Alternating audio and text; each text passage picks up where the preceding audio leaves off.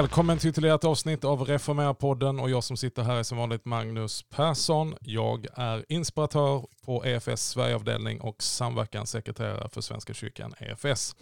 Och vi är nu mitt uppe i mission i Sverige där vi eh, bland annat har glädjen, eh, förutom många andra, att ha besök ifrån England, ifrån Holy Trinity Brompton Church, eh, Sarah Jackson och på det temat så har jag också bjudit in en gäst som jag tillbringade några dagar i London tillsammans med för inte allt för länge sedan. Välkommen Johan Marklund.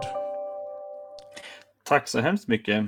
Jag, det känns väldigt fint att få komma och vara med en gång till här. Jag har varit med en gång förut. Precis. Och Johan, om du berättar lite grann om dig själv för den som inte vet. Du är komminister i Sigtuna församling, Mariakyrkan. Men berätta lite grann kort presentation, din bakgrund och vad du gör i Sigtuna. Jag jobbar... Eh, jag tänkte ju först och främst att jag inte skulle bli präst. Det är många som tänker så. Men sen så... Och då utbildade jag mig för att jobba med barn och unga i kyrkan. Så jag jobbade som församlingspedagog, utbildade mig klart till församlingspedagog och sen så insåg jag att jag ska nog också jobba som präst.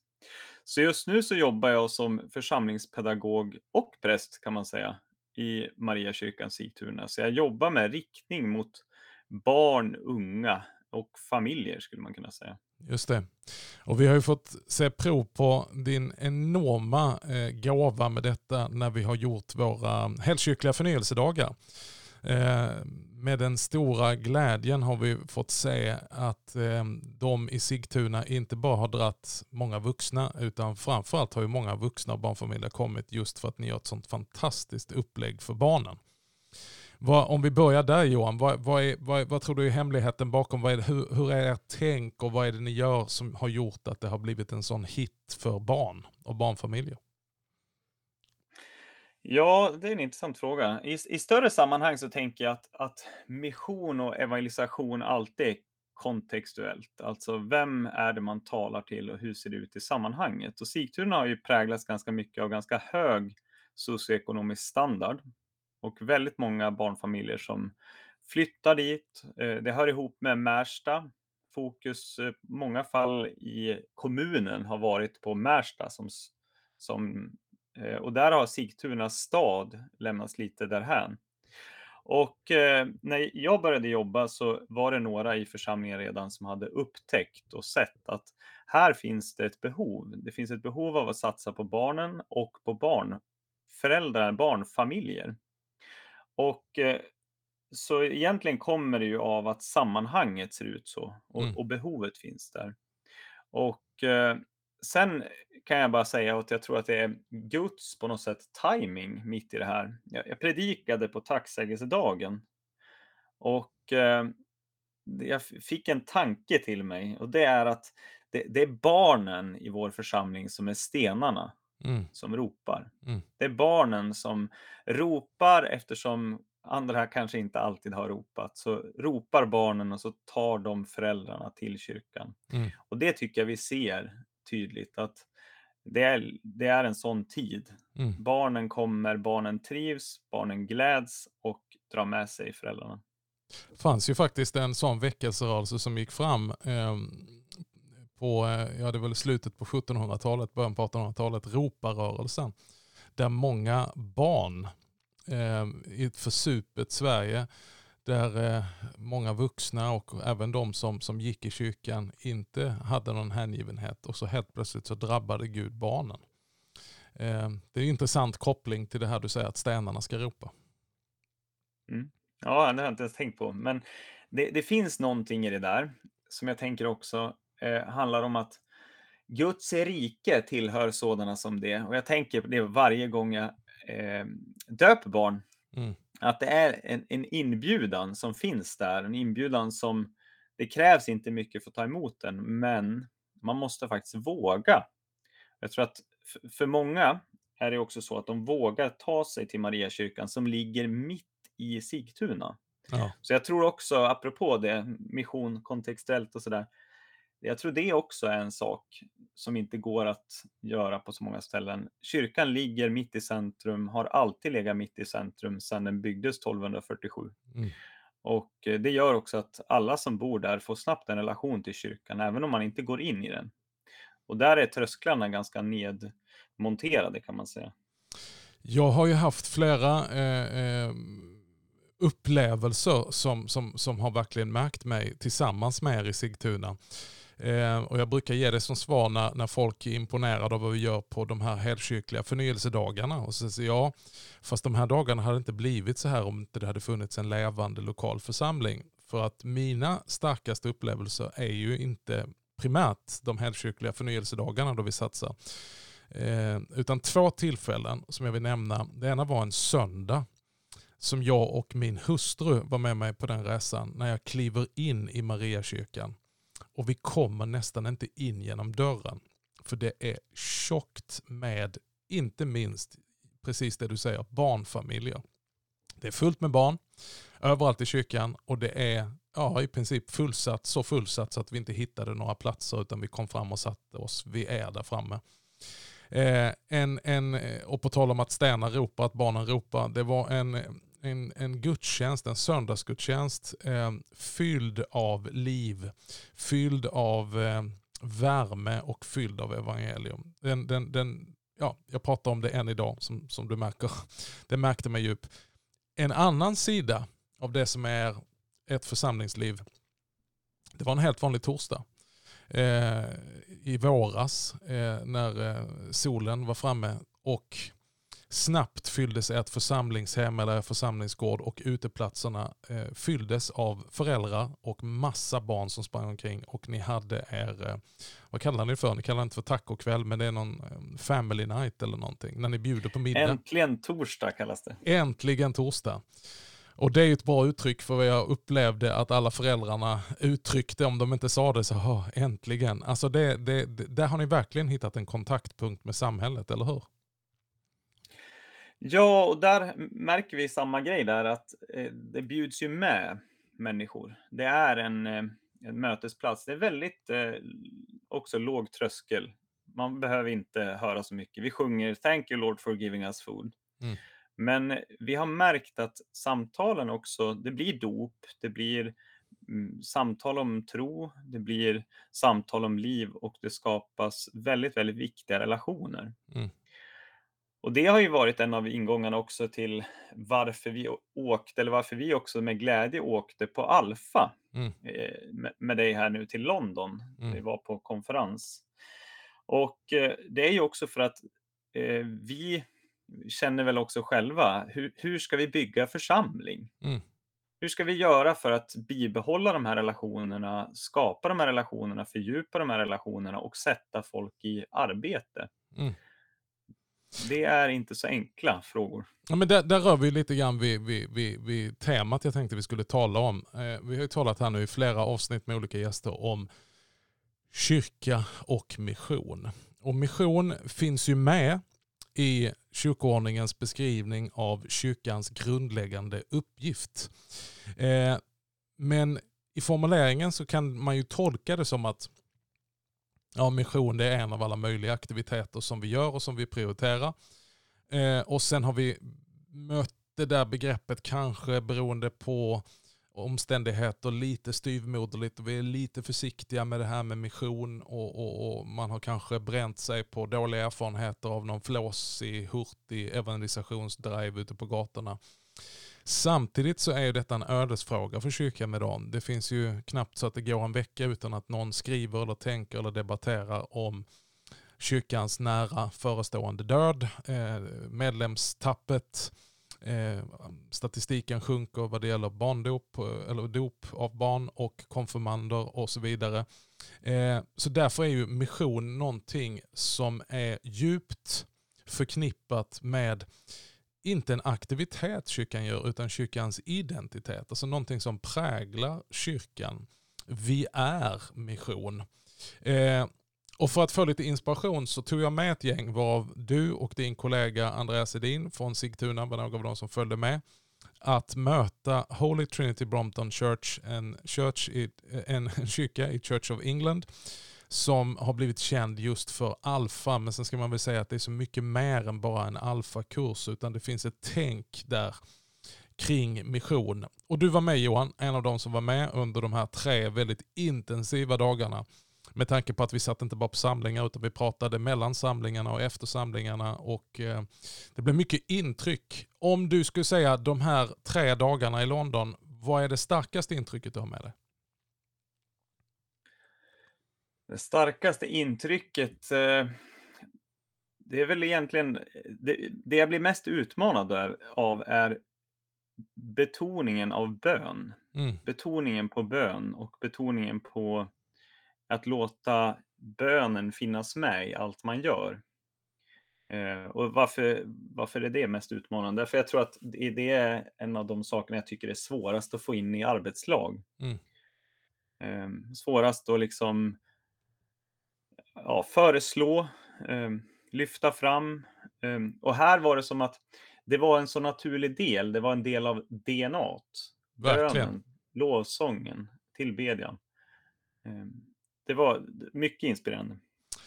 Det är intressant att du säger det. Jag läste en bok den här i, i, i, min morgonstund den här morgonen som jag faktiskt la ut ett litet klipp på Instagram som säger så här. Prayer and mission fits together as a hand in a glove. To pray is to be involved uh, uh, sorry, to pray is to be invited to uncomfortable mission. To pray is to be led by the hand to broken places, broken people, and broken parts within yourself.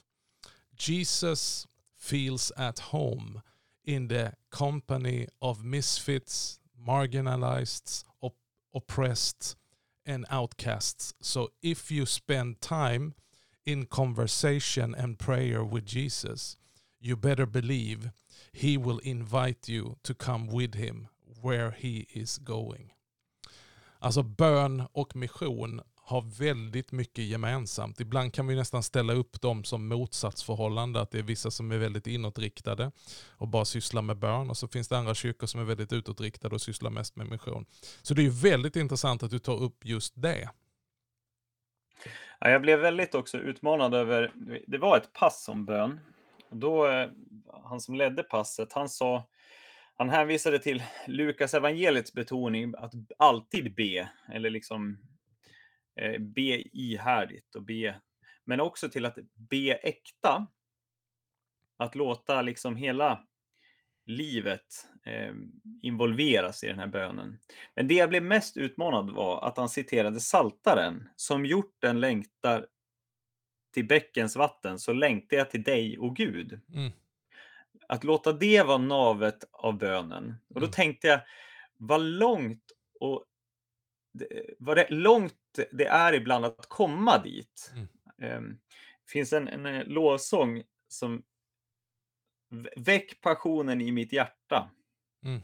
Eh, låt den strömma fram. Mm. Eh, och jag tror att många gånger så kan jag känna att vart är den här passionen? Vart är den här längtan? Vart är den här hungern till bön? Och jag tror att där kan jag känna själv också att där behöver man nog inspireras av andra och jag behöver bli inspirerad även lokalt faktiskt. Mm. Och det är väl lite så att det här hänger ihop. Eh, att mission är inte först och främst ett program, en aktivitet. Det är jättebra att hitta eh, lämpliga saker, likt era Äntligen Torsdag. Men det börjar inte riktigt där, utan det börjar ju precis som du säger med den här längtan. Längtan efter Gud, längtan efter att komma in i hans gemenskap och i hans gemenskap så börjar ju vårt hjärta att verka för det som verkar på Guds hjärta. Vårt hjärta att sträcka sig efter det som Guds hjärta sträcker sig efter. Där har du hela evangeliet att Gud hela tiden sträcker sig efter människor långt borta från honom. Ehm, så det är kanske lite otippat men jag tror ju precis som du säger att vad hjärtat är fullt av det talar munnen. Och ibland när vi inte är så aktiva i det som kallas för att leva mission så är det kanske en hjärtefråga och en bönefråga, vem vet? Och jag tänker också att när man möter så mycket skräp. Jag tänker hela vårt samhälle idag är påverkat av väldigt mycket skräp, jobbiga saker, saker som händer nära oss alla. Mm. Så blir det väl ännu viktigare också att, att sätta riktningen rätt på något sätt. Att Eh, fokusera på bönen. Jag tänker vi har också, det beror ju på vart man jobbar, men i många sammanhang så är det också en utmaning. Man kommer och det är mycket saker som händer på arbetsplatser, många sorgehus som ska hanteras. Det är mycket saker som tar ens fokus. Och då blir ja, men den enskilda bönen, men även den kollektiva, är ju central, tänker jag. Mm. Nej, men att få in det som, som, som tydliga hjärtslag att eh, för att återvinna missionen i kyrkan så, så, så, så är det nog rätt som du säger att vi behöver återvinna den ständiga bönen. Den ständiga suckande till Gud. Det kan ju vara korta böner men, men jag, jag, jag vet att på tidigare besök jag gjorde där med en annan grupp så, så, så sa jag samma sak. att Det var väldigt, eh, gjorde starkt intryck på mig Ehm, man kan ju ibland kanske tänka på den som iakttar att alfa är bara ett eh, snyggt och eh, väldigt proffsigt upplägg eh, som är lite ytligt. Men jag tror att om man är med och får titta bakom kulisserna så som vi fick göra så får man rätt stor respekt för hur tydligt ehm, bönelivet och hängivenheten till Jesus är. Ja, och det är intressant också, för jag, jag blir också utmanad av att de lyckas sammanföra både en tillit, en bön, en, men, men det finns också en struktur. Mm. Att det finns den här dubbelheten av att det är tydliga scheman, det är riktning, det är effektivitet, det är man, alla har en plats, det är massa saker som funkar bara. Mm. Och det är ju hårt, hårt, hårt arbete, men att man inte liksom låter det där falla men samtidigt också det finns en, en frihet i det också på något sätt. Och det, och det där är ju jättesvårt tycker jag. Mm. Vad, vad, vad, om vi tittar på de här lite mer eh, konkreta praktiska strukturerna runt omkring. Jag vet att vi talar om det vid någon kväll. Att de lägger en enorm energi på att skapa, skapa miljö och skapa stämning och atmosfär. Med risk för att det missförstås då när man men att det känns väldigt naturligt och välkomnande. Gästfrihet är ett ord som återkommer. Berätta lite om dina intryck av det. Ja, jag uppfattar det som att gästfrihet, eller de använder ordet hospitality som mm. jag tycker är ett ännu bättre ord. Eh, jag tänker på etymologin, alltså hospital. Mm. Att det är någonting som hör ihop med liksom ett, ett omhändertagande, en gästfrihet, en, en eh, Omsorg om människor. Omsorg, exakt. Ja. Det är ett jättebra ord. Eh, nej, men när vi kom dit direkt så står de ju där och bjuder på chips liksom och, och, det finns alltid kaffe att tillgå och det finns alltid någon att prata med. Det finns mm. alltid någon som säger hej. Mm. Och där tänker jag, bara där har man ju, känner man ju sig hemma på något sätt. Man får se någon, man får bli sedd. Mm. Eh, sen, jag tycker det där speglade egentligen allting som var att eh, det är alltid någon som, som säger hej. Mm. Eh, och i det så upplever jag också att man, man, kanske kan uppfatta det som en yta, men jag uppfattar nog att eh, det, det finns en seriositet och det fanns också väldigt, väldigt fina samtal kopplat till det här. Så det var inte alls eh, yta och påhitt, utan snarare ett fokus på att fånga upp, att möta upp att, att bli sedd. Och det uppskattar jag. Ja, verkligen. Och man ser ju, alltså allt det här med att det är yta och tillrättalagt, det spricker ju lite grann. Vi fick ju möjligheten att ha en lunch, eh, vår grupp tillsammans med grupperna från Skandinavien fick ju luncha tillsammans med Nicky Gamble. Och man kan ju tänka då att en, en man av hans eh, karaktär och storhet om man nu får säga så. Han har bråttom, och han har jättemycket att göra, vilket han har. Men där löser ju också den här gästfriheten, omsorgen, innerligheten och viljan att lyssna på var och en, att ta tid och de fick ju nästan rycka honom därifrån till något, något annat eh, möte han skulle ha med, med, med besökande från någon annan, eh, något annat land. Eh, så jag tycker att det liksom är hela vägen i strukturen från från ledarskap och genom hela organisationen till mötet ute på kyrktorget så, så, så finns den här innerligheten, gästfriheten, till mötesgåendet. Eh, och där har och, vi nog... En annan del i det mm. Eh, var också att de vågade dela misslyckanden. Och de vågade också dela smärta. Jag mm. tänker på både misslyckanden kopplat till Alfa, men också den nya chefen för Alfa, hans familj, berättade ju om deras flytt då till London från ett annat ställe och även också den, var det medfor för deras familj. Och det var otroligt starkt tycker jag, att man vågar också i ett större sammanhang vara sårbar på det sättet. Ja just det, Archie Coates, du menar den nya kyrkoherden för Holy Trinity Brompton, ja precis. Ja. Ja, det var väldigt berörande. Och, och hur hans fru delade det där också, det var, det var, det var starkt. Eh, vad, vad, vad, tar du med dig hem då Johan? Det finns ju otroligt mycket, det är intensivt program och så otroligt mycket intryck och det är precis tanken. Eh, där vi hade glädjen att få följa med Alfa Sverige. Vi tackar för inbjudan och eh, förhoppningsvis så kan vi göra en sån gruppresa igen eh, och få titta in bakom kulisserna. Att inte bara vara med på en konferens utan eh, få ha de här samtalen och lyssna och, och säga bakom så att säga. Eh, vad sitter du nu med några veckor så här efteråt? Vad är det för någonting ni samtalar om i ert arbetslag och team? Vad, vad är det som har klibbat fast liksom av den här missionala, missionella inriktningen? Eh, den, den, absolut mest utmanande grejen tycker jag är att, att de beskrev alfa som en, en tool kan man säga, någonting som man kan använda, en, ett verktyg. Men då sa de också så här att man kan använda det här verktyget antingen som en, en app, mm. någonting som man har på telefonen och plockar fram, eller så kan man ha det som ett operativsystem. Och jag tycker att det där var en bra bild, att Eh, alfan också får vara en del av ledarträning, en del av det här som vi kanske mångt och mycket har saknat. Att skapa ett eh, forum för samtal för tron, ett eh, möjlighet att lära eh, folk in i ledarskap och vara delaktig i den här hospitaliteten, sätta igång folk och komma i funktion. Så jag tror att det var den som jag säger, nyckeln, den bilden, den betyder mycket. Och sen blev jag jätteutmanad av att eh, när de talade om hur utvärderar man alfa? Vad är liksom alfa? När har man testat alfa? Då sa de man ska testa alfa minst nio gånger innan man kan säga om det fungerar eller inte. Som församling, ja. Det, man, man driver som, som minst församling. nio kurser.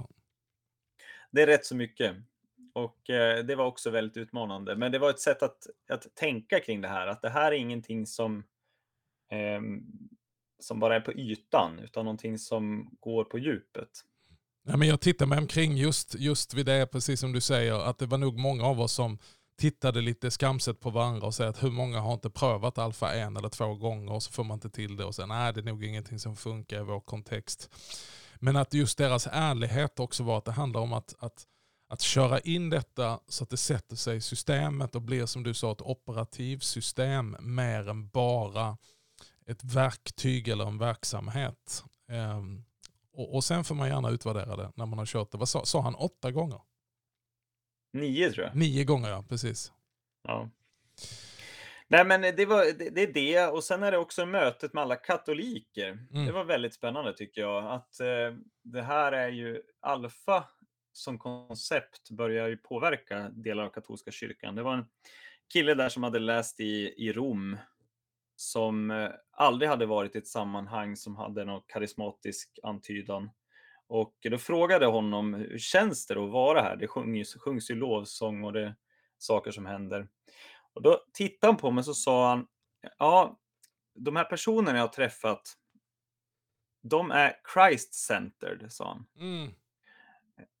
Och det där var, jag, jag, kände igen mig själv lite grann, att jag kan röra mig och vara lite en kameleont i många sammanhang, men det finns någonting som man känner igen. Eh, och jag tror att han som katolsk präst, liksom, han firar mässan eh, gissningsvis dagligen och är i det och, och lever med Jesus som center. Och han kände igen det i andra, fast uttryckssätten såg annorlunda ut. Och, och det tycker jag var ett starkt möte faktiskt. Det är ju det också att, att eh, när man samlas kring mission så har det tendens att bli ekumeniskt eller ordet som jag gillar helkyrkligt. Eh, så jag blir också väldigt drabbad av att få se eh, från så många olika eh, traditioner och inte minst då den unga katolska prästen som under pandemin när allting stängde ner, vi vet ju hur, hur drabbat Italien var, ursäkta mig, och han började använda YouTube och han har ju då blivit det var väldigt världskändis. Det vill säga att han har blivit upplockad på tv-sändningar eh, i stora delar av världen som visar den här katolska unga prästen som under pandemin lyckades nå ut till, jag tror han hade en eller en och en halv miljon prenumeranter på sin YouTube-kanal och jag gick in och lyckades få till textning på en av de här Eh, avsnitten han körde där han talade väldigt tydligt och så bra om bön. Och det eh, avsnittet hade över 600 000 tittat på. Och att tala med honom, eh, det var helt otroligt. Det var, det var fantastiskt att höra. Och precis som du säger, att kring, kring mission så det blir inte ett fokus på det som skiljer fullt ut heller, utan snarare på det som enar. Och jag tror att det är väl också det. Vad, vad, känner jag efter det här? Jag känner att eh, vi är ju lite efter anglikanska kyrkan i vår sekularisering på många sätt. Mm. Eh, ja, som samhälle i alla fall. Eh, och de har ju redan nu börjat, de har ställt om, de har ställt andra frågor, de har vågat göra en omvärldsanalys. Hur ser det faktiskt ut? Vad gör vi av våra gamla kyrkor? Hur jobbar vi med att eh, blåsa liv på något sätt i det som har varit slumrande. Mm. Det är ju sådana frågor också, väldigt utmanande. Och Jag tänker inte minst det som eh, Sarah Jackson delade som är ansvarig för det här programmet med att revitalisera kyrkor som krymper, kyrkor som är döende, kyrkolokaler som står tomma. Eh, att inte ge sig utan eh, med en väldigt genomtänkt strategi med teologiskt institut som skapar utbildningsvägar för att eh, lite snabbare men gediget träna präster med den här missionella inriktningen och operativsystemet. Att få ut dem, att skicka dem med team till kyrkor som lever lite grann under existensminimum kan man väl säga, både på landsbygd och i städer och 180 församlingar har de vänt trenden. Så att istället för att vara minskande och döende så är de nu växande. Det där eh, träffade ju mig eftersom det är mycket sådana tankar som jag sysslar med. Vad skulle vi kunna... Ja, det jag tycker det gav, gav mycket hopp faktiskt. Vad skulle vi kunna från den delen, eh, som vi nu också lyssnar till Sarah, som hon, hon talar om här på vår mission i Sverigedagar. Vad, vad skulle vi kunna ta till oss Johan, eh, i svensk kontext? Det, det, det som jag tycker är den mest talande grejen, det är ju också att det finns hela tiden en betoning på att jobba inom strukturerna. De eh, lyfter fram att de gör ingenting, de håller inte på med någonting åt det där hållet om de inte har en Bishop Building and Priest eller Vicar. Ja. Och, och det där är ju också ett sätt att tänka som jag blir väldigt inspirerad av. Jag är ju någonstans också svenskkyrklig. Jag har tillit till våra biskopar och jag tror att bönen kommer inifrån på något sätt och jag Precis. tror att där finns det en välsignelse. Eh, och det, det tror jag är en jätteviktig grej, att man jobbar inifrån, att man eh, fortsätter att försöka på något sätt påverka lokalt. Det här stora hjärtat av omsorg och betjänande var ju väldigt tydligt i detta också, att man är där för att betjäna sin kyrka, moderkyrkan. Att man gör ingenting, eh, som du sa, om man inte får en inbjudan från biskopen, där biskopen eh, visar förtroende, alltså att man, man ärar de ordningar som finns. Eh, man gör inte bara en satsning med ett gäng vilket som, utan man ska ha en ordinerad präst, en vigd präst. Och så eh, går man in i existerande kyrkobyggnader för att väcka nytt liv. Eh, tänk om vi kunde se något liknande i Sverige. Ja, det vore spännande. Det vore väldigt spännande. Men jag tror att det kräver ju också att vi jobbar med att välsigna även Svenska kyrkan. Mm. Välsigna eh, våra biskopar, fortsätta på något sätt ett, ganska utmanande arbete tycker jag att, att stå kvar i de sammanhangen vi har. Verkligen. Eh, och tänka att den lokala församlingen, där är liksom, det är Guds händer. Mm. Det är, Guds, det är där Gud sänder sina arbetare, Mm. använder sina arbetare. Men vad är då utmaningen? Eh, Du står i en lokal församling eh, i Sigtuna, Mariakyrkan, kyrkan mitt i byn. Och så läser vi kyrkoordningen eh, att kyrkans grundläggande uppgift är att fira gudstjänst, att bedriva undervisning, diakoni och mission. Och så kommer syftesparagrafen. Syftet är att människor ska komma till tro på Jesus Kristus, växa i tron, en kristen gemenskap formas, Guds rike utbredas och skapelsen upprättas. Så en sak är ju de här liksom check, check, check på undervisning och gudstjänst och diakoni och mission, vad vi nu lägger i det. Men syftesparagrafen då? Syftet med allt detta är att människor ska komma till tro på Jesus Kristus. Vad behöver vi enligt dig, Johan Marklund, göra för att vi ska komma dit? Jag tror att vi måste få ett andligt självförtroende. Mm. Jag tror att eh, utmaningen som jag kan se i många sammanhang är att man vågar inte tala om Jesus som frälser Mm. eh, tillräckligt mycket. Och jag tror att det är, kyrkan står och faller med den frågan. Vem är Jesus? Eh, vad säger man på vid, vid båren på en Mm. begravning? Det är det hoppet vi har och står och faller med. Och jag tror att eh, att ge kyrkan måste få, och det gäller väl också oss predikanter, vi måste ha ett självförtroende och vi måste våga. Mm. Våga berätta om Jesus, våga tala om Jesus som frälser. Mm. Jag tror att eh, det är ett andligt självförtroende, tror jag. Det krävs. Ja, väldigt bra. Du fångade det. Vad har du för svar? Vad du för svar? Nej, men alltså vi, vi skulle kunna prata om i timmar. Det, är- det är på något sätt det som vi, vi landar i varenda avsnitt, vad vi än talar om. Men, men att eh, komma tillbaka till, till Jesus helt enkelt. Det kan ju låta så otroligt barnsligt söndagsskolenivå, men kanske för att knyta an till, till barnen som du börjar med. Så det kanske precis det vi behöver göra igen. Ett barn är alldeles fantastiskt, ljuvligt, underbart. Har spenderat helgen här med mitt ena barnbarn. Men ett barn är också lite så här hjälplöst och har inga problem att be om hjälp och sträcka sina händer efter en och komma upp i ens famn. Jesus säger det, vi behöver bli som barn. Och i förhållande till Jesus så kanske vi behöver få tillbaka den här eh, som nästan kan, kan, kan se naivt ut, men den naiv, na, naiva, nästan barnsliga förälskelsen, förhoppningen och tilliten till Jesus Kristus som vår frälsare och som vår herde. Eh, och jag tror att det är när vi närmar oss Jesus som vi också kommer i närkontakt med detta som är mission. Eh, det är omöjligt att närma sig Jesus utan att slå följe med honom genom hela evangelierna, vidare genom hans apostlar och genom kyrkan så är han hela tiden på väg att passera nya gränser, att ta sig in bland de som är cancellerade av samhället, de som är långt utanför.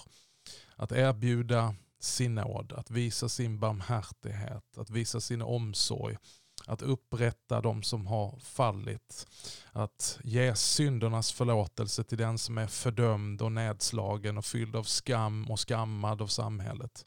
Det är ju evangelium. Evangeliets stjärn, kärna och stjärna är ju Kristus. Pippa Gamble, hon sa It's all about Jesus, sa hon. Ja, Väldigt naivt och enkelt eh, i början av när vi var där. Och jag tycker att hon fångade det där på ett jättefint sätt. Eh, också att bibehålla den här eh, barnsligheten i, i den bemärkelsen också. Att våga, våga stå i den, våga lita på att det håller. Mm. Och jag, för att citera en av våra svenska biskopar som jag eh, uppskattade så mycket att han gjorde till sitt slagord som ny biskop. Det är Jesus som är grejen. Och, och, och kanske det är ett slagord, eh, slagord låter fel, men du förstår vad jag menar. Det, det är ett soundtrack som vi skulle behöva eh, återerövra som hel kyrka. Eftersom syftet enligt vår kyrkolag, vår kyrkoordning, är att människor ska komma till tro. Inte på ett system, inte på, på, på en långsättning dogmer eller en livsfilosofi, utan på en person. Den, en av personerna i gudomen, Gud som har blivit människa, Jesus Kristus, sonen.